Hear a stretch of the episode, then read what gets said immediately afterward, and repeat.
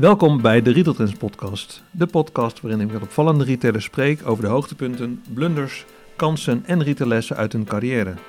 In deze podcast ga ik in gesprek met Geert-Jan Smits, oprichter en CEO van woonwinkel Vlinders Design. Deze jonge speler in de meubelbranche wordt wel gezien als een van de disruptors van de ooit zo traditionele sector. Ik ben Marcel ten Holte, oprichter en eigenaar van Retail Trends Media.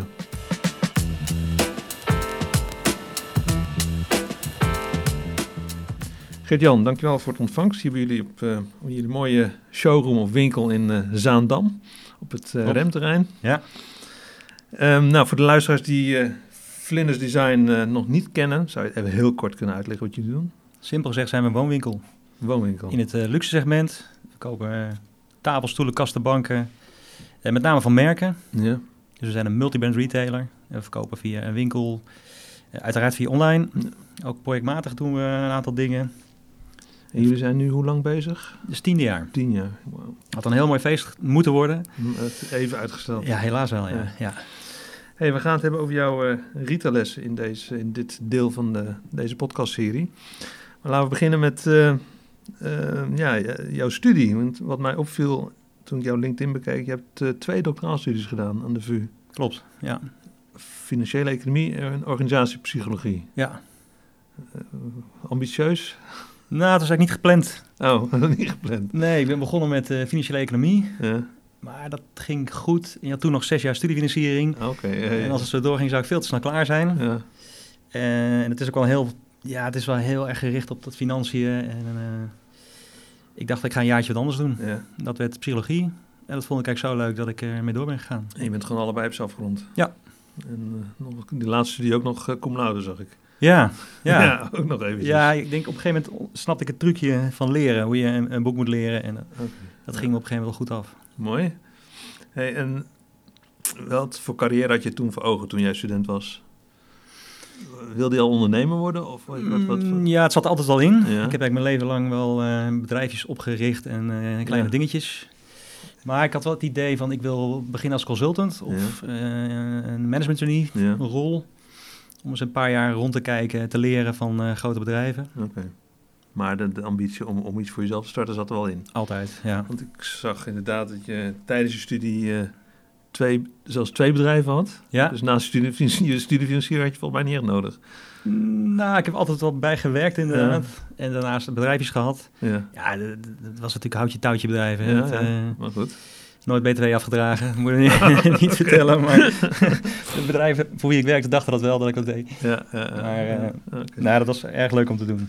Maar we hebben jou een keer geportretteerd in de rubriek selfie in uh, Retail Trends. En toen vertelde je zelfs dat jij op je twaalfde al een handeltje had. Klopt, ja. Dan bespande ik de rackets van de plaatselijke tennisclub ja. in Schalkhaar. Ja. Daar was alleen de, de sportwinkel niet blij mee. Die deed dat voor 40 gulden en ik voor 25. Ja. En, uh, en ik, ik bracht die rackets ook bij de mensen thuis. Oh, echt, uh, dus dat was um, de eerste postorderaar uh, van, van, van Schalkhaar. Ja, van Schalkhaar, ja. Nee, dat was ja. prachtig om te doen. Ja. Dus het ondernemen heb je daar wel geleerd eigenlijk. Ja, en in de studietijd inderdaad ja. allerlei kansen gezien. En, ja, want je, je, had een schoonmaakdienst en je, ja. je, je verhuurde rockkostuums volgens mij. Smits Cleaning Services. Smits, kijk, kijk, kijk. Ja, ik, ik woonde in de grachtengordel, ja. klein studentenkamertje. En ik zag al die graffiti op de, de muur en dat vond ik vreselijk zonde. Ja. Dus, uh, toen ben ik flyertjes gaan maken, rond gaan uh, brengen bij de huis van joh, uh, Smits Cleaning Services maakt uw gevel schoon. Oké. Okay. Okay. Het had dus niks te maken met schoonmaken van studentenkamers of nee, zo. Nee, nee, nee. Had ook, een, had ook gekund, hè? Ja. maar ik dacht, dat is wel een mooie business, want ja. mensen irriteren zich eraan. En, maar geen enkele kennis van hoe je dan graffiti van een, een muur verwijdert. Nee. Dus mijn eerste opdracht was voor een architectenbureau. Ja. En zonder enige kennis ben ik toen uh, met, een, met een kwastje en wat afbijt gaan proberen om die graffiti eraf te halen. Ja, dat lukt natuurlijk helemaal niet. Nee, nee. En toen? Je bent wel doorgaan. En doorgegaan heb ik de, de hoge drukspuit van mijn vader geleend. Ja. En toen ging het al met vijf liter blikken afbijt uh, om het eraf te krijgen. Okay. Maar dan weer met een hoge drukspuit ging die afbijt alle kanten op. Ja. En die belandde ook op auto's die Ja. daar in de buurt stonden. Dus uiteindelijk ben ik dat met, uh, met de hand gaan doen met uh, staalborstels. Maar het leuke is, van, dat, van die inkomsten kon ik dan weer Ja. uh, op reis. Okay. Dat was eigenlijk het doel. En je verhuurde rockkostuums. Dus Ja, SRV was het toch? ja studenten rockvuur. En, uh, simpel begonnen, je, je had dan een paar keer per jaar had je zo'n gala. Ja. dacht ik al van ja, wat zonde, je kan het ding huren voor een boel geld. Maar Ja. waarom verhuur ik ze niet? Ja. Dus met een paar vriendjes met verschillende maten hebben die bij elkaar gebracht. Hebben nog gekocht trouwens van eh Fokke de Jong van eh. Sweet Supply. Oké, Toen ligt student was. beetje. Toen, toen verkocht hij al eh rockkostuums. Oh, wauw. Ook heel lang Ook geleden. een echte ondernemer. Ja. Ja.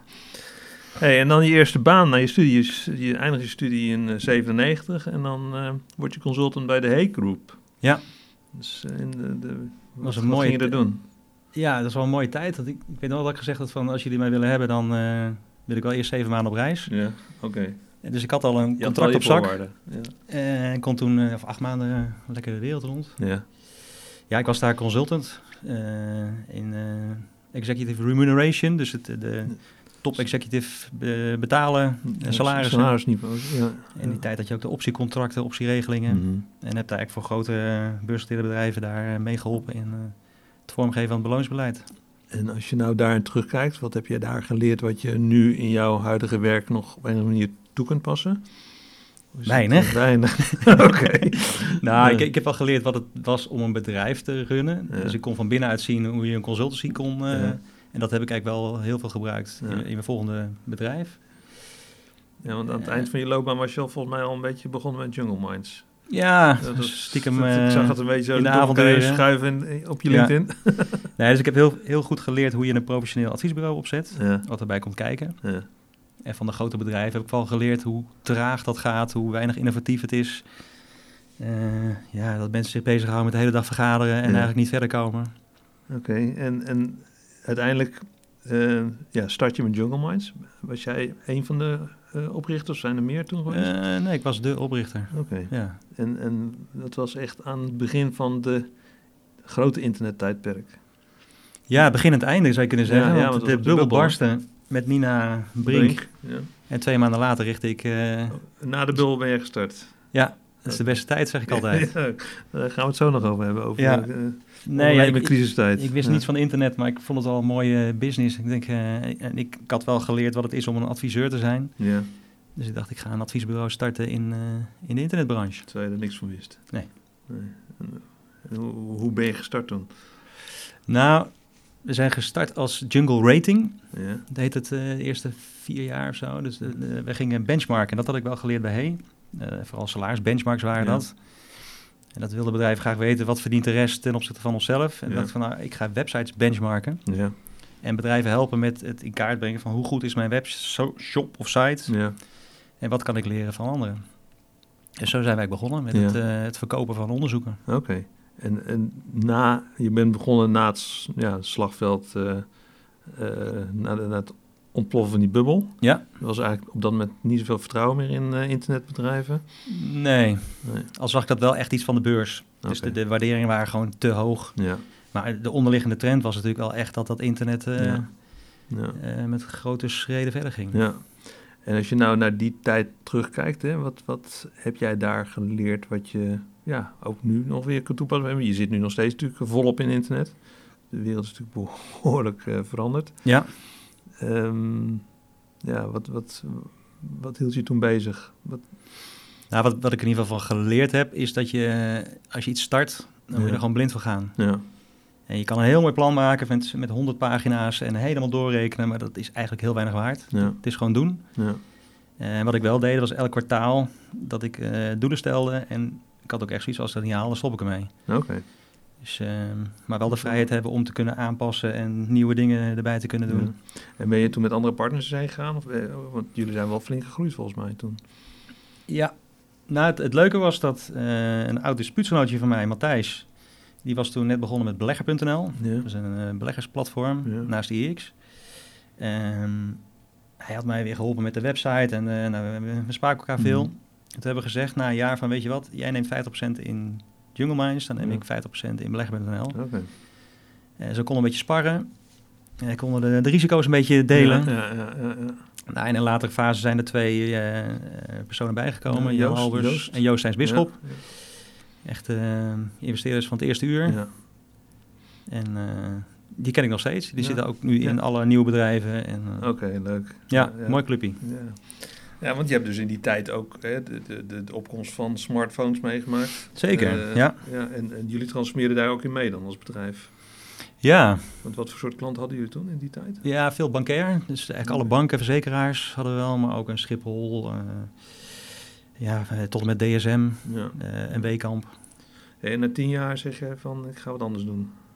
Ja, ik, ik heb me nooit een consultant gevoeld. Of ik, ik vind het mooi om iets te creëren, om Ja. iets op te zetten. Ja.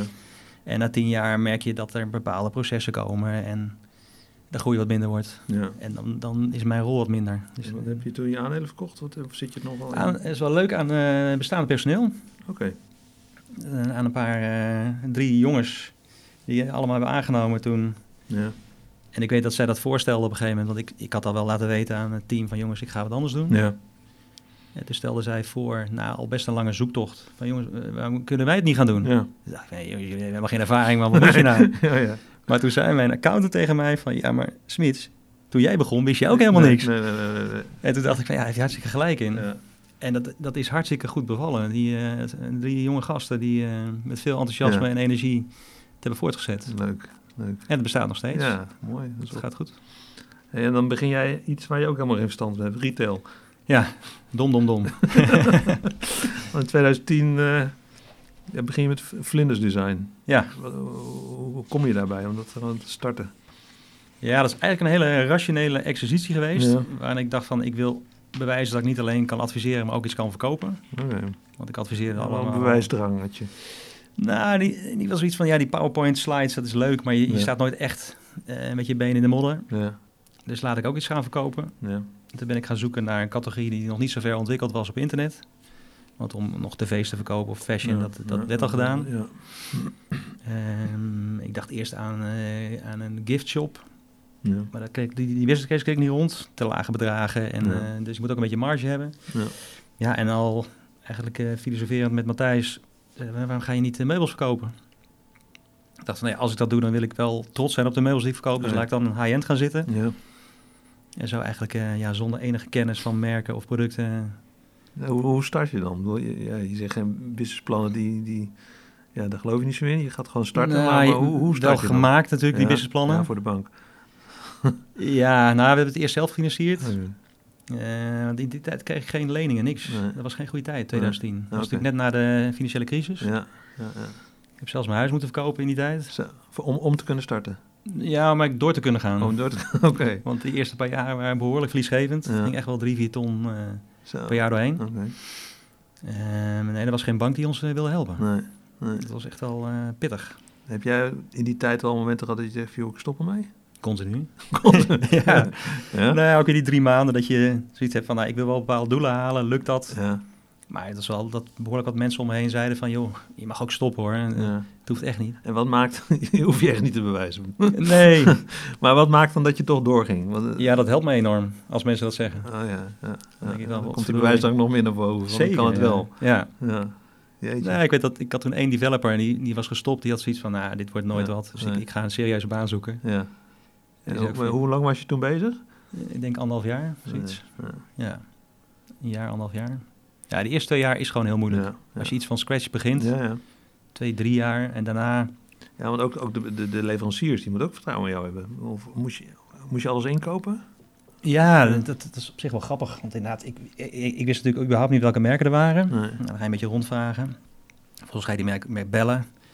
En dan zeggen ze van, eh, oh, dus je wil eh, Artemide of eh Heven kopen. Hoeveel meter heb je voor me?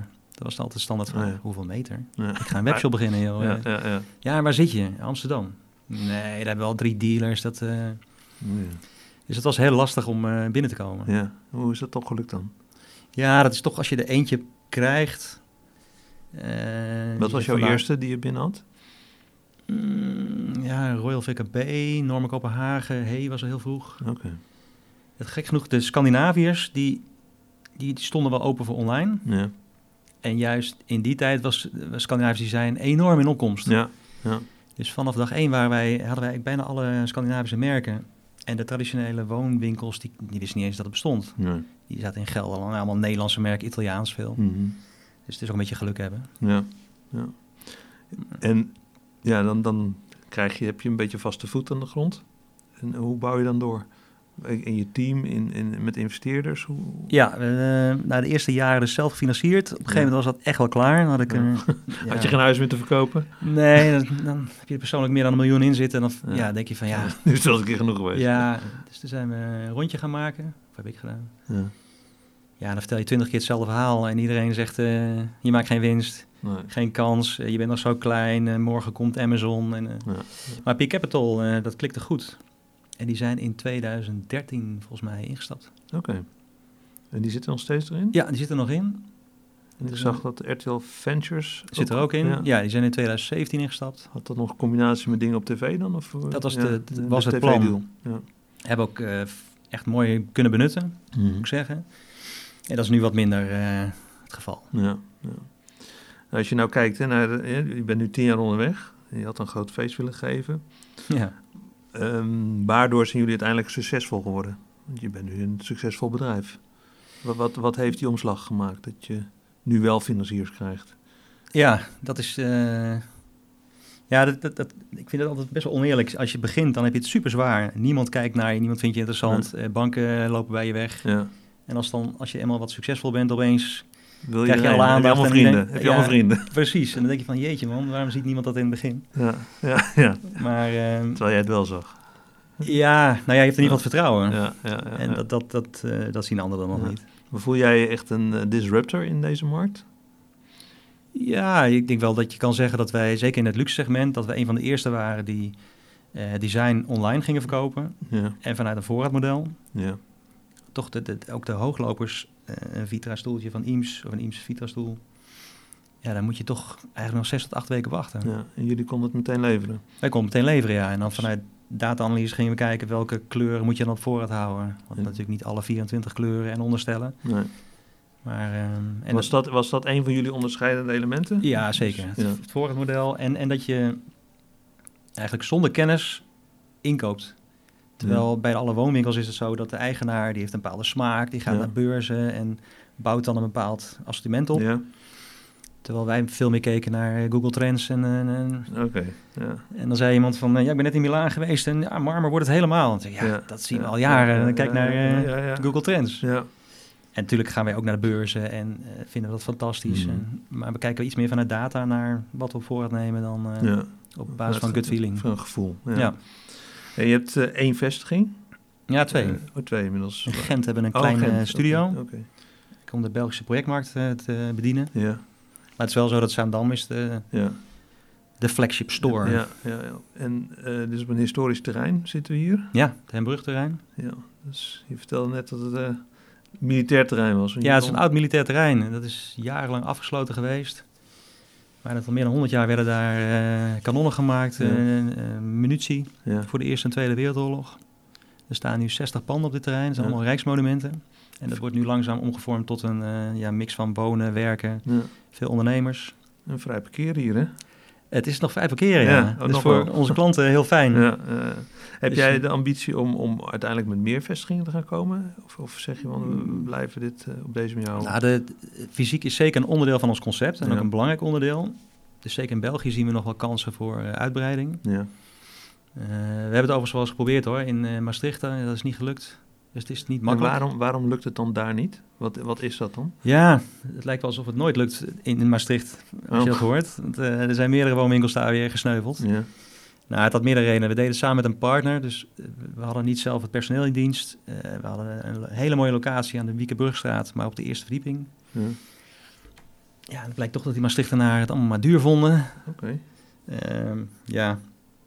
Maar dat is, ik denk dat is wel een beetje ook de rode draad. We proberen heel veel. Ja. Ik heb elke dag wel een idee. En ja. veel proberen we ook. En je moet ook snel weer stoppen. Ja. We noemen dat noemen wel veel fast. Dus veel proberen, maar ook snel durven stoppen. Ja. Als het niks wordt. Ja. Hey, nu zijn jullie met uh, eigen merk begonnen vorig jaar. Ja. Dan ben je niet meer gestopt. Nee, nee dat gaan we zeker niet nee, meer stoppen. Nee, nee. nee. Je hebt uh, een aantal private labels uh, ontwikkeld. Ja. Met prachtige namen als Livingstone Design. Ja, zeker. Hambridge. Hambridge. Hambrug, Hambridge. ja, precies. Snap ja, ja, ja, ja, ja. Die, die verzin je zelf? Die namen? Ja, meestal met een fles uh, drank erbij. Ja, en dan, dat, ja, okay. Ik zou daar nooit een bureau voor inhuren of zo. Nee. nee dat, dat Zoals ook Vlinders en Jungle Minds nooit... Waar, waar kwam Vlinders vandaan? Ja, Ik heb Welke fles wijn was dat? nee, ik zeg altijd, we hebben twee verhalen. Okay, het mooie verhaal en het echte verhaal. Nou, doe het echte verhaal maar. Het echte verhaal? Ja. ja, die is heel saai. Dit is oh. een fles whisky en uh, toen kwamen we op uh, vlinders met een V. En ik ja, dat is wel zo zijig. Ja. Vlinders met een F. Oké. En... Googelen, kijken of het nog vrij is. Ja. Een mooi verhaal. het mooie verhaal is, uh, Matthew Flinders is een ontdekkingsreiziger. Ja. die heeft Australië in kaart gebracht. Alright. En net als Matthew Flinders willen wij de designwereld in kaart brengen en toegankelijk maken voor iedereen. Dat is voor jullie. Uh, dus wij zijn een ontdekkingsreiziger. Oh, kijk, kijk, kijk. Dat, daar smult vaak iedereen van. Dat, dat, is een mooi verhaal. Dat is een mooi verhaal, ja. precies. Maar niet het echte verhaal. Nee. nee. Hey, en die, die, die private label uh, serie, uh, waarom zijn jullie dat begonnen? Um, meerdere redenen. Ja. Het is gewoon onwaarschijnlijk lastig om geld te verdienen als multibrand retailer. Ja. Ik ben daar ook best pessimistisch over, moet ik heel eerlijk zeggen. En heb je het alleen dan over de meubelbranche of, of breed? Nou, ik denk ook als fashion retailer, als je alleen maar als je spulletjes van anderen verkoopt, ben je uiteindelijk niet onderscheidend. Ja. Uh, ben je toch voor een deel overgeleverd aan de consument die vaak dan voor het laagste prijs gaat. Want mm de kwaliteit staat niet ter discussie. Je verkoopt iets van iemand anders. Ehm, ja, dus dat, dat, is lastig. Je ziet toch wel vaak een race to the bottom. Ja. Je ziet steeds meer merken... Op, op, prijs bedoel je? Op reis. Ja. Kijk, als je kijkt naar de schoenen, de sportschoenen... een Adidas die standaard al 30, 40 procent korting geeft via hun eigen website. Ja. ja ik heb echt te doen dan met een, uh, een retailer die sportschoenen verkoopt. Ja, ja, ja. Maar ik, ik geloof heel sterk in de combinatie. Dus mm. En eigenlijk is een Albert Heijn of een supermarkt het beste voorbeeld. Uh, 80, 90 procent zijn merkproducten en 20 procent is, uh, is uh, private label. Ja. Maar daar verdien je wel je geld mee. Ja. En dat merk je nu ook bij jou al. Want je bent vorig jaar gestart. Ja. En, en uh, hoe, hoe gaat zo'n proces dan? Want je, je bent gewend om in te kopen bij leveranciers. Precies. En één keer moet jij een eigen lijn opbouwen of eigen producten. Hoe, ja. hoe, hoe doe je dat? Opportunistisch. Ja, zoals je dus ook begonnen bent. Dus dat vind ik dan wel heel erg leuk om te doen. Dus dan zeg ik, nou dan trek ik zo'n project wel, want dat, is, dat vind ik leuk. Ja. Dat doe ik graag. Ja. Dus ondernemersbloed uh, naar boven. Ja, dat vind ik echt leuk om, om zoiets nieuws op te pakken. Ja. Uh, betekent ook voor het eerst naar China gegaan om te bekijken hoe dat allemaal eruit ziet. En, uh, beurzen bezocht daar. En gezegd van nou, in een jaar willen we een miljoen omzet doen via private label. Ja. gaan we niet halen dit jaar. Nee, nee. Maar we komen wel op, ik denk 7, 800 iets. Dus okay. dat, toch voor het eerste jaar. Ja. Maar je, de grap is dat je wel ontdekt, deels doe je rechtstreeks via fabrieken. Maar steeds groter deel doen we samen met onze leveranciers. Ja. En dat is heel interessant, want die snappen ook dat retailers uh, voor hun voortbestaan ook eigen merken en eigen mhm. producten willen ontwikkelen. Ja. De kern is dat je de hele keten moet beheersen. Zijn dat de leveranciers ook van de merkproducten dan? Ja. ja. ja. Ja. Die snappen dat een steeds groter deel van hun omzet ook weer komt voor het maken van producten voor uh, retailers. En zitten zij dan ook in dat proces? Of, of uh, betrek je ze daar dan bij? Ja, we zeggen van nou, banken lopen goed, ja. Eh, hebben jullie een mooie suggestie voor een bank? Oké. En met sommige partijen werken we heel fijn samen, ook Nederlandse partijen. En die gaan echt voor ons ontwikkelen. Ja. Gaan we samen nadenken over stoffen, over de vormen. Oh ja. Uh, dan komen hele leuke dingen uit. En als je dan qua prijsniveau vergelijkt, uh, hoeveel lager is jullie private label dan gepositioneerd, of, uh, gepositioneerd dan, dan de aanmerken? 20 procent. Oké, dat is een beetje de norm. Ja, we willen eigenlijk niet dus een concurrent worden van onze merken. Nee. Die, willen we koesteren. We, ons allergrootste deel van onze omzet zal blijven komen uit, mm. uit merkproducten. Ja. Uh, maar we hebben gezegd 20, 20, 20. 20% goedkoper, 20% meer marge um, en 20% van omzet. Ja, want dat had je inderdaad vorig jaar in een interview bij ons gezegd. Oh nee, dit jaar zelfs. Um, ja, dat je maximaal 20% van je omzet denkt te halen uit, uh, uit private label. Uh, op welke termijn gaat dat gebeuren? Het idee was drie jaar. Oké.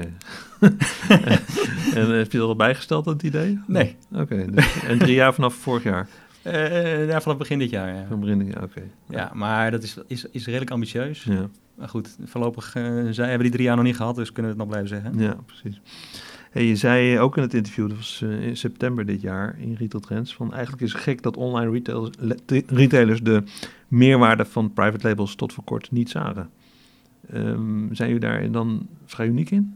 Met, met private labeling? Nou, je ziet nu dat iedereen het erover heeft. Dus elke ondernemer die ik spreek en die multi-brand retailer is, is bezig met private label. Ja. In elke sector. Ja. eigenlijk, eigenlijk snapt iedereen. Ik denk dat we de eerste 10, 15 jaar van online was de doelstelling eigenlijk een groei. Ja. Zoveel mogelijk omzet binnenhalen. En dat gaat relatief makkelijk met uh, merkproducten. Ja. Want daar zit al zoekvolume op.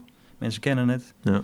Uh, dus dat, dat is makkelijk verkopen. Ja. Ja. Je, je, zet, je zet AdWords aan en je mhm. krijgt omzet. Ja. Maar private label kent niemand. Is nog geen beeldmateriaal van. Moet je nog helemaal vormen. Dus dat, dat is relatief moeilijk om daar omzet mee te doen. Oké. Hey, en in, in, in 2018 zijn die... Um jullie waren actief op de Chinese markt, uh, op, op Tmall. Ehm, daar ben je mee gestopt. Je zei toen van het kost veel tijd, levert weinig op. Uh, je zei ook uh, toen van als multi-brand leverancier is het ook lastig om, om, om je te onderscheiden op zo'n zo'n platform. Ja. Nu heb je je eigen label. Heb je dan, zie je dan op termijn ook weer mogelijkheden met je eigen label om dan toch weer die markt op te gaan? Zou kunnen. Het is trouwens leuk. Het is de 11e van de 11e. Kijk. Singles Day. Alright. Dus, en uh, in China is dat de dag dat je dus je had heel, heel, veel omzet kunnen maken nu. Ja, en dan merk je ook, met Singles Day deden we misschien wel 30% van de omzet in China. Ja. En dat was ook een beetje meteen het probleem, dat je, zeker daar, je verkoopt spullen van anderen. De, de merken verkopen ook rechtstreeks op Tmall. Ja. ja, daar kun je niet tegen concurreren. Nee. Je bent eigenlijk gewoon een extra schakel met minder marge. Ja. En het ging alleen maar om prijs. Met Singles Day gaf je dan 30% korting. Ja, en verdien je niks verdien niks, als ik eerlijk ben. Nee, en de spulletjes moesten dan ook nog van Nederland eerst naar, naar Engeland. En van Engeland werden ze dan verscheept naar China. En vandaar echt door te door uh, bezorgd. Ja, ja, ja, dat is wel een behoorlijke... Het idee was wel een lokaal warehouse uiteindelijk. Ja. Uh, we deden wel een paar ton omzet. Ja. hartstikke gaaf om te leren. Ja. Maar, maar zie je mogelijkheden serieus voor als je je eigen, als je, je eigen uh, merk hebt uitgebouwd om dan, dan met dat assortiment weer die Chinese markt te gaan? Dat kan, zeker, ja. Hetzelfde geldt voor de platform in Nederland. Ik vind eigenlijk dat je als multibrand retailer niks te zoeken hebt op een platform. Nee. Op een bol of een, mm. nou, noem ze maar op. Nee. Maar met je private label is het juist weer heel erg logisch om naar een platform te gaan. En wat doen jullie op platformniveau nu? Qua omzet? Ja, nou ja, of, op welke platformen ben je nu actief? Uh, we zijn actief op Bol, Fonk en Bijkorf. Oké, okay. alright. Dus dat uh, Bijkorf is exclusief. Ja. Uh, Fonk deels en Bol is het... ja. Ben je al benaderd Amazon? Ja, uiteraard. Ja, We hebben ook al op Amazon verkocht in Duitsland. Okay. Maar zijn eigenlijk mee gestopt. Want? Het lastige vinden wij, het is toch die race to the bottom. Je bent een van de velen ja. die hetzelfde product aanbiedt. Ja. Uh, je krijgt de buy-button als je het goedkoopst bent. Ja. dat, is, dat, dat, dat tendeert naar de inkoopprijs. Ja. Maar goed, en zometeen kom je, kom je, kun je daar dus met je eigen, eigen merk op staan. Ja, dus dat doen we al. Hè? We staan al met ons eigen merk op Pol, op Vonk, uh, op Bijkorf. Ja. dat is heel erg leuk om te zien. Ja, en dan, dan heb je meer grip erop en ben je meer onderscheidend. Ja, ik moet wel zeggen, het is niet allemaal zo negatief hoor. Want op, op Vonk en de Bijkorf zijn we exclusief. Ja. En dan is het natuurlijk wel weer heel interessant om daar je spullen aan te bieden. Ja. Ook merkproducten. Ja. Maar zodra je een van de tien bent ja. en alleen degene die 30% korting geeft uh, zichtbaar bent. Ja. Dat, uh, we zijn wel eens bij Bol uh, eruit gegooid omdat wij te duur waren. Ja. Terwijl wij de retailprijs, dus de recommended retailprijs, hanteren. Alright. Ja, dat is... Dat is, dat is pijnlijk. Dat is, ja, dat voelt voor ons pijnlijk, omdat dat... Ja, natuurlijk mag een leverancier niet dicteren welke prijs wij uh, gebruiken, maar als je gewoon de normale ja. adviesprijs hanteert, ja. waren we al te duur. Ja, ja dat, uh, dus dat is... Leergeld. Dat is leergeld, ja. En Ik, ik denk ook dat, dat de platformen vooral interessant worden voor de merken zelf. Ja. En de platformen gaan dan ook nog de logistiek voor je doen. Ja, ja, ja. Hey, um, Groei, jullie zijn heel erg gefocust op groei. Um, in het kader daarvan is uh, begin augustus een uh, enorm uh, nieuw magazijn geopend door jullie in het havengebied Amsterdam-Westpoort. Ja. Ruim 14.000 vierkante meter. Ja. Ja, hoe trots kun je zijn om dat te openen na tien jaar? Ja, dat is wel mooi. Terwijl niemand in je geloofde. Nee, Nee, het is ook wel leuk, want het, hiervoor hadden we een uh, uh, 7000 vierkante meter, ook in Amsterdam. Ja. Dat was een oude cacao-loods. Ja. Totaal geen magazijn. Dus het lag dan een asfaltvloer. En als je er overheen reed, dan kwam de cacao omhoog en uh, gaf één grote troep.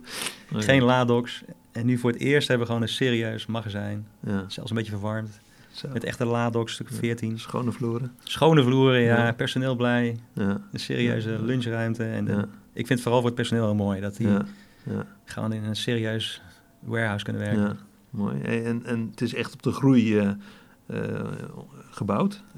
of, of, of, ja, ja, het is niet voor ons gebouwd. Ontwikkeld. Het, was er al inderdaad, maar we kunnen zelfs tot 20.000 vierkante meter doorgroeien. Oké, okay, dus, dus je bent voorlopig wel even onder de pannen. Denk het wel, ja. Oké.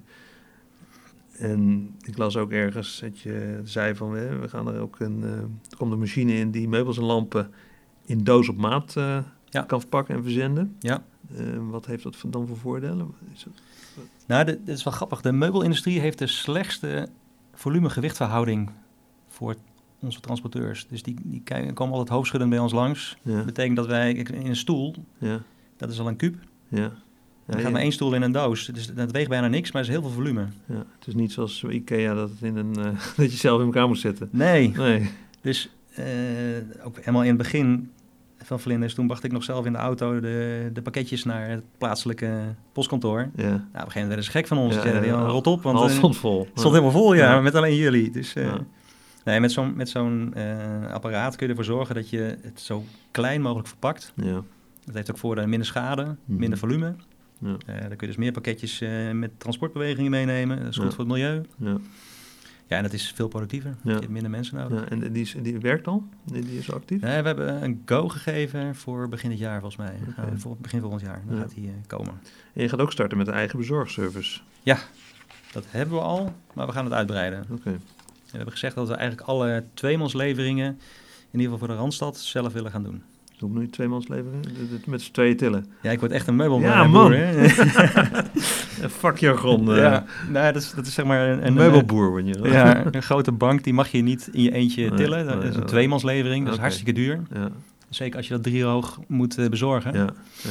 Uh, maar dat betekent ook dat twee man in een vrachtwagen moeten rijden, ja. de pootjes eronder moeten zetten. Ja. Ja, want de, de installatie, montage doen die ook dan. En dat zijn eigen mensen, eigen vlinders mee. Nou ja, tot nu toe is het, besteden we dat veel uit. Ja ja, dan ben je zo 140 euro kwijt voor een bezorging. Ja. ja.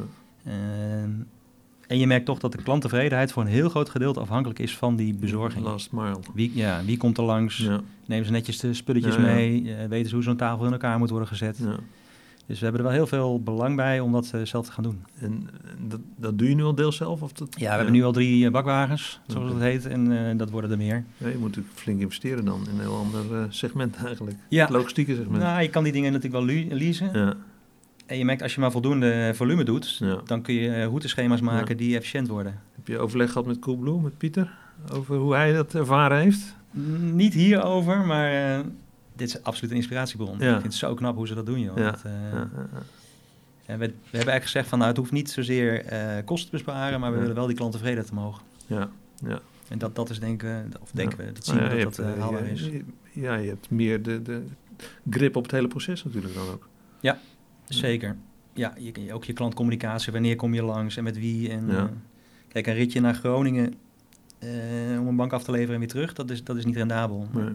Dus we beginnen met de Randstad. En dat hopen we langzaam uit te breiden naar heel Nederland. Ja, oké.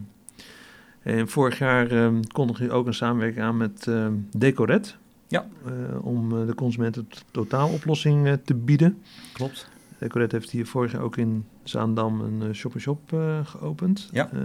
hoe pakt deze samenwerking voor jullie in de praktijk uit en voor hen? Nou, het is in ieder geval goed, denk dat we, we hebben het eerst zelf geprobeerd. Ja. En we merken dat het echt een vak is. Ja. En dan heb je het met name over de... de, de het inmeten, ja, ja. Uh, het offreren.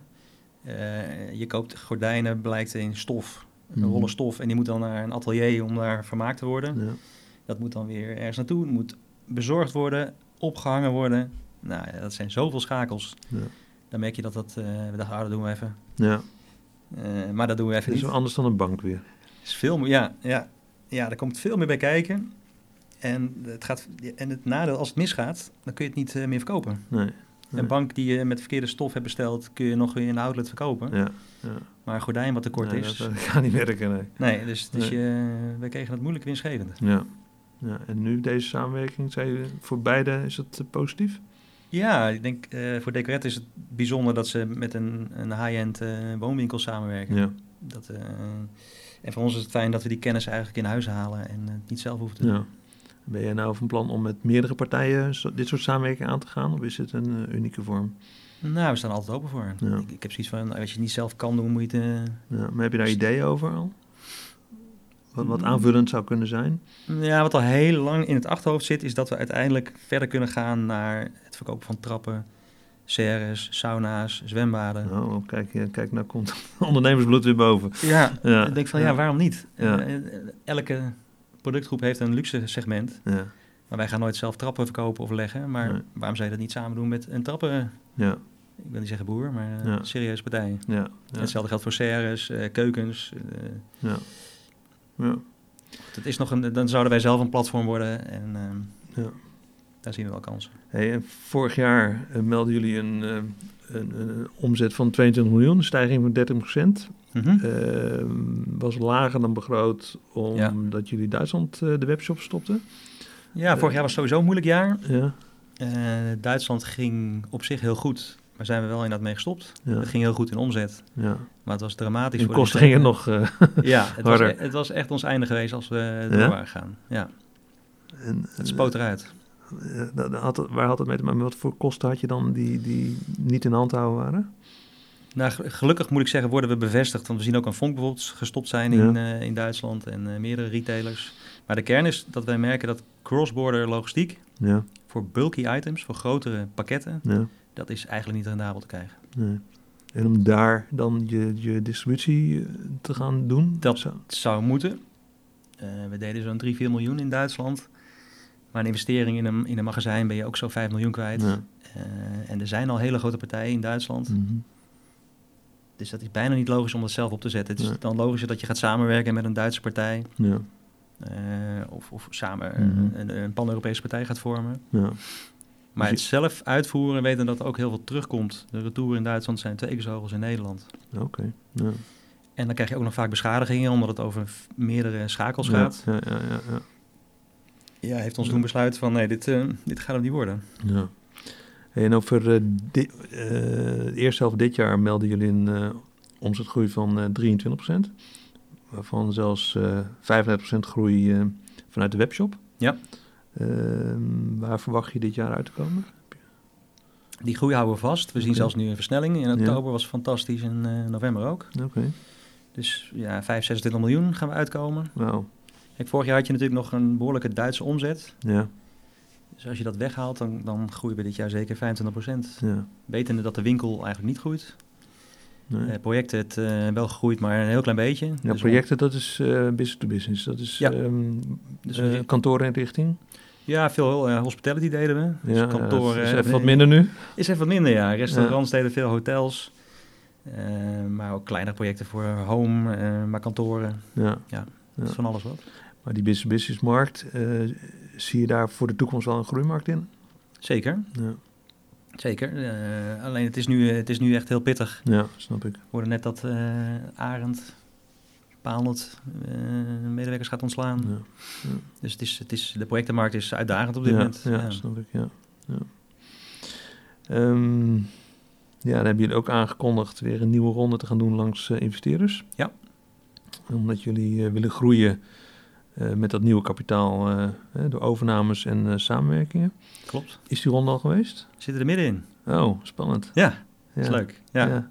Hoe, hoe, hoe, werkt dat dan? Ga je dan naar je bestaande uh, investeerders toe of, of ga je naar nieuwe Nou, die hebben eigenlijk gezegd dat, uh, dat was ook een van de redenen om uh, een rondje te doen. Ja. Peak Capital zit er al zo lang in.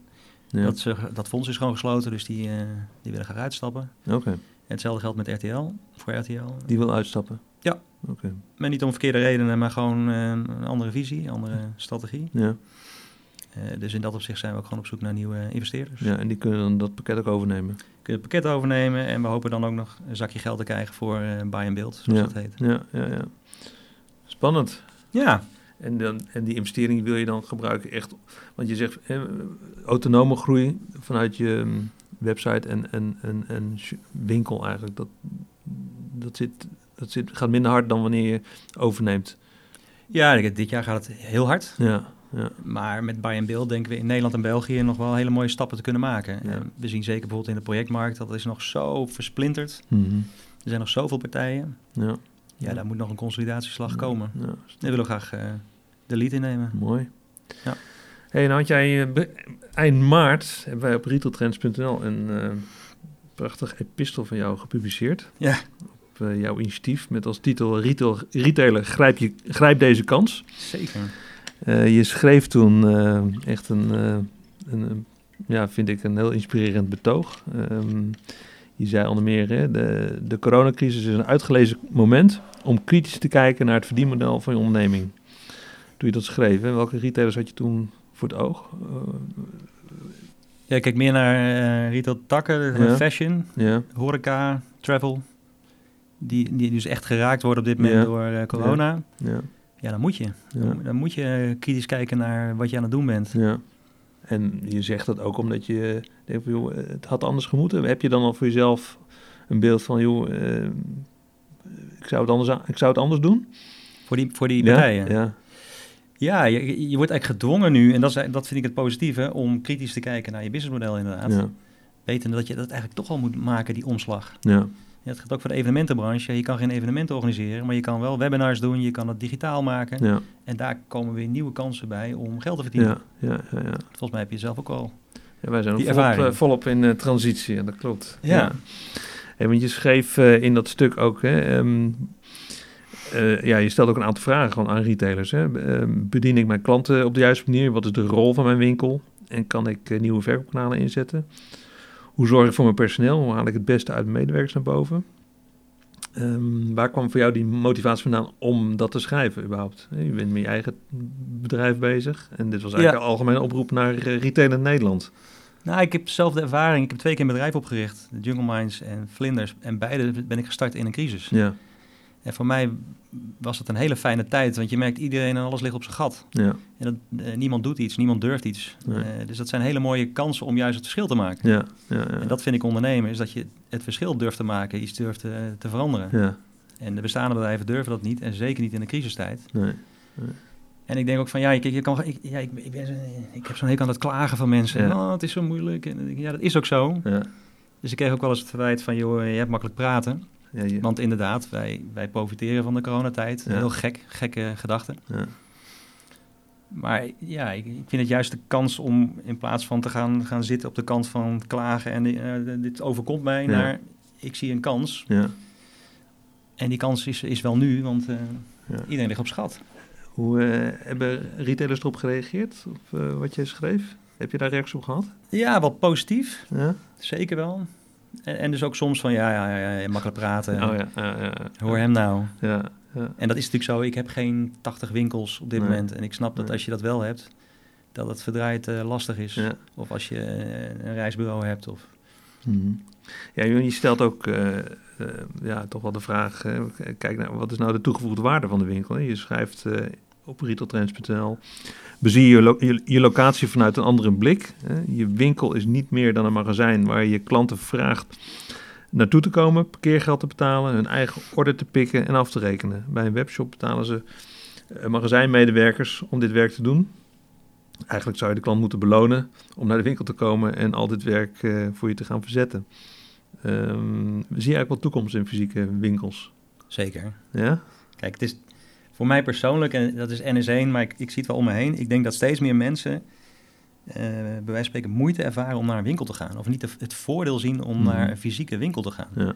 Terwijl de retailers nog denken van, joh, ik, ik heb de mooiste winkel en, en mensen komen vanzelf binnen. Ja.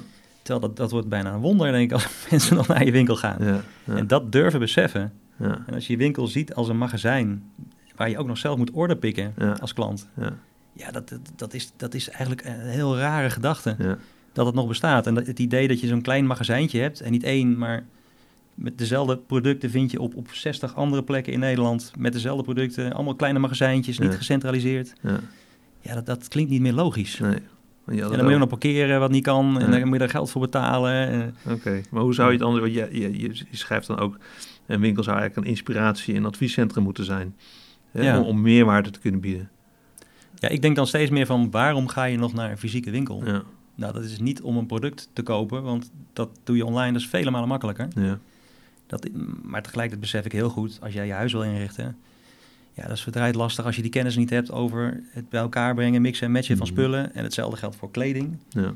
Ik denk als je alleen een, een spijkerbroek moet hebben, ja, dat doe je online. Ja. Maar wil je een hele outfit, ja. dan wil je graag advies. Ja. Dus de, in mijn ogen is de enige meerwaarde van een fysiek punt, is dat je menselijk contact hebt met iemand die er verstand van heeft en jou kan helpen, ja. je kan adviseren, waar je iets van inspiratie kan krijgen. Ja. Ja, maar dat schrijf je ook. Hè? Je schrijft ook, hè? Je, je houdt een warm pleidooi, pleidooi voor de winkelmedewerkers. Je zegt, uh, koester je mensen en waardeer ze. Want zij maken het verschil. En dat is ook echt, daarmee kun je dan ook onderscheiden, bedoel je, van... van, van ik denk dat het eigenlijk het enige verschil nog is. Ja. Want ja, voor mij is het echt, ik draai het om. Eh, ik zou alles online kopen, tenzij. Ja. Tenzij ik graag advies wil hebben. Uh, en advies is toch wel voor een groot deel menselijk contact. Ja. Dus als die mensen niet het verschil maken, ja. Ja, dan waarom zou je nog een winkel hebben? Ja. En dat, dat valt me dan vaak zo op, zeker in Amsterdam. Ik woon in Amsterdam, maar ik ben een tukker. Ja, hoe arrogant en onvriendelijk het personeel vaak is. Dan denk je van, jongens, uh, waarom? Waarom ben je er? Ik ga liever dan bij Zalando iets kopen en het weer terugsturen mhm. als het niet past. Ja, nee, snap ik. Hey, eindig je pleidooi uh, met een oproep aan Retail in Nederland om weer uh, de ondernemer naar boven te laten komen en niet leidzaam af te wachten. mis je dat, dat ondernemersbloed in, in het retaillandschap?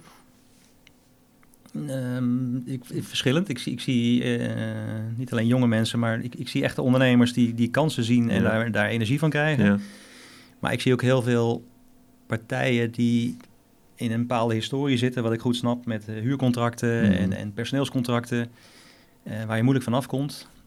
Ja. Die eigenlijk niet de kans hebben misschien, of niet de wil om te, te veranderen. Nee. Terwijl ja, ik, ik, ik word blij van verandering. Ik vind dat mooi. heb jij voor jezelf retailers of andere ondernemers uh, in je omgeving waarvan je zegt, joh, dat, dat zijn voor mij positieve voorbeelden? Ja, die zijn er zat. Ja. Gelukkig. Nou, vertel. Uh, ik, vind, ja, ik vind een aantal, ik heb hier een paar opgeschreven. Ik vind, Only for Men ben ik laatst geweest, ja. uit de Veenstraat. Ja, ja. Prachtige ondernemer. Ja, je hebt veel winkels, maar dat, dat zijn dan ook echt, uh, echte belevenissen. Ik vind het vaak zo'n woord waar je niks mee doet. Nee. Ze, organiseren meer dan 100 events. Uh, er is vaak een kapper, een restaurant in die winkel.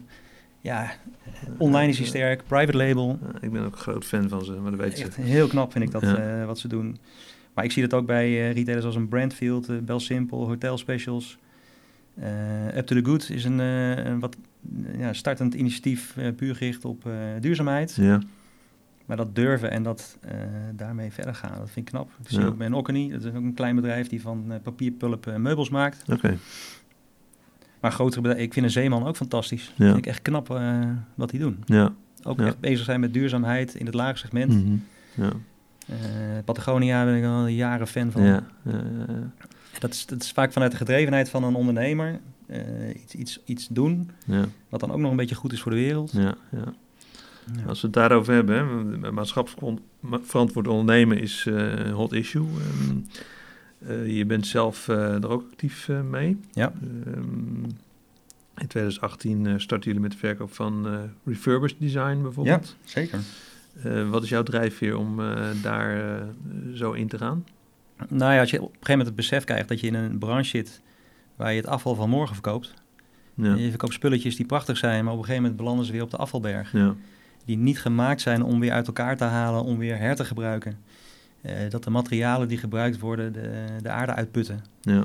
Ja, dat is, ik vind dat bijna niet meer te verantwoorden. Nee. Dat je een stoel nee. verkoopt waarvan je weet dat is van olie gemaakt en dat en uiteindelijk uh, wordt het afval. Een achterhaald idee. Ja.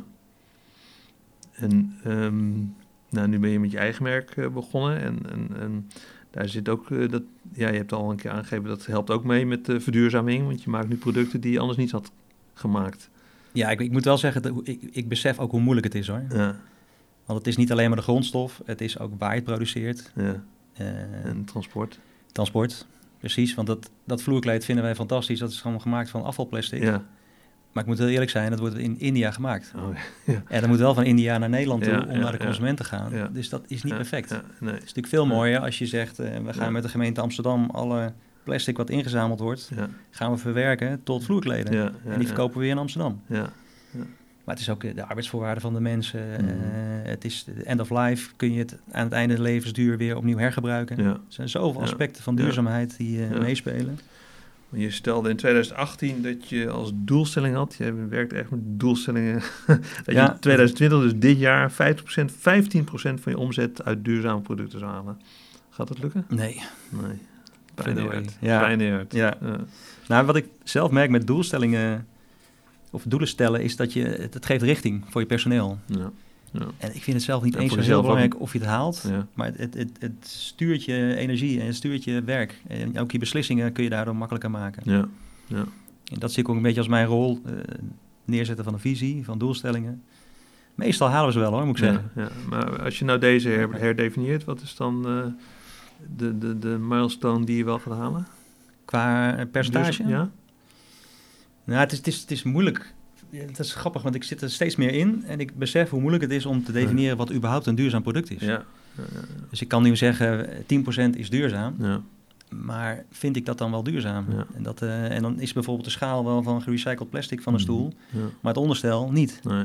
Nee. Dus ik ben meer gaan twijfelen eigenlijk over uh, de definitie en wat is duurzaamheid. En, uh, en daardoor ook minder makkelijk kunnen definiëren van wat verkopen we nou en hoeveel. De, de oprichter van Patagonia zei zelfs van eigenlijk is niks duurzaam. Het enige duurzaam is als je niks produceert. Precies, ja. En niks aan en naakt uh, over de weilanden loopt. dat is heel duurzaam. Dat is ook weer interessant, maar nee, niet voor nu. Hey, um... Maar ik moet wel zeggen, ik zie wel enorme stappen in de meubelindustrie. Ja. En ik denk wel binnen vijf tot tien jaar dat het grootste deel van wat wij gaan verkopen, dat dat duurzaam zal zijn. Oké.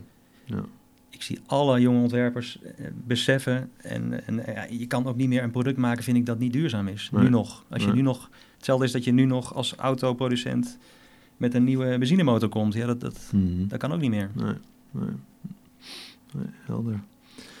Uh, even naar uh, uh, ja, de coronatijd. Um, jij zegt zelf van, joh, dit is voor ons eigenlijk een hele goede tijd geweest. ben je nog hier in je winkel ook dicht geweest of is dit, dit door open gebleven? Ja, we zijn volgens mij een maand of twee zijn we dicht geweest, maar alleen open op afspraak. Ja. Dus we zagen er echt wel een omzetdaling van zeker 50% die maanden. Ja.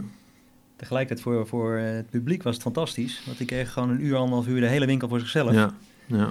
Uh, dus dat gaf ook alweer interessante... Dus we deden wel wat omzet, maar je zag wel daarmee uh, een behoorlijke daling. Ja, en je gaf wel aan van, joh, die, die, die business markt is natuurlijk uh, nu moeizaam, omdat je daar in de hospitality sfeer zit. we groeien wel, dus dat vind ik heel knap van het team, dat ze dat voor elkaar krijgen. Want we zien wel concurrenten van ons echt behoorlijke dalingen. Ja. Ehm, maar dat, is, dat, dat gooit niet zo hard als online, zeker niet. Nee. Nee. jullie zijn natuurlijk van oorsprong al uh, zwaar uh, in online, dus dat, dat, dat komt wel goed. Dat komt wel goed. Nou, een kwart van de omzet is in projecten, 10% is ongeveer de winkel. Ja. Dus we zijn toch wel redelijk uh, omnichannel, zou ik zeggen. Ja, ja, Maar online is bij far wel het grootste onderdeel. Hey, je bent uh, begonnen hier uh, in je uppie. Uh, ja. Inmiddels heb je een managementteam. Um, hoe zou jij jouw rol als manager willen omschrijven? Wat, wat voor soort stijl heb jij? Ja, ik moet een beetje lachen. Sommigen zien me als een clown, denk ik. Oh, ja? nou, nee, in ieder geval iemand met heel veel energie. Ja. ik denk dat ik heel goed ben in het, het, neerzetten van een visie en mensen daarin enthousiasmeren. Meekrijgen in die visie dat we allemaal dezelfde richting op gaan. Ja. En ik weet ook dat ik dan redelijk snel mensen loslaat. Uh, en de vrijheid geven om het te doen ja. wat ze moeten doen. Ja. En tegelijkertijd kan ik af en toe heel irritant dicht op de details zitten, weet ik. Dus, okay, uh, ja, ja loslaten en, en, en, grote stappen. Dat, uh... Maar voel jij je nu ook echt manager of ben je nog steeds wel die, die ondernemer? Of, nou, kun je het goed combineren? Nou, ik, ik merk in verschillende fases in je bedrijf je begint als ondernemer. Ik deed alles zelf tot en met het inpakken van de pakketjes en uh, de telefoon opnemen. Ja. Uh, daarna ben ik wat meer manager. En uh, eigenlijk sinds vorig jaar is mijn operationele verantwoordelijkheid minder geworden en kan ik weer meer ondernemen. En dat, okay. daar word ik erg blij van. En dus als je nu je, je private label op, op hebt gepakt, ja. bijvoorbeeld. Ja, ik merkte dat ik ook minder happy was in de rol als manager. Dat is gewoon niet, niet zo mijn kracht, denk ik. Uh, en nu die operationele verantwoordelijkheid meer naar beneden is in de organisatie, kan ik weer meer ondernemen. Want hoeveel mensen werken hier überhaupt? Uh, 120 ongeveer. Okay, ja. Hey, als je nou kijkt naar de toekomst van de branche, vijf jaar verder, je hebt al gezegd, het wordt steeds uh, duurzamer. Ehm, Zeker. Zie je nog andere trends waarvan zeg van dat, ja, dat zo vijf jaar ehm, mainstream?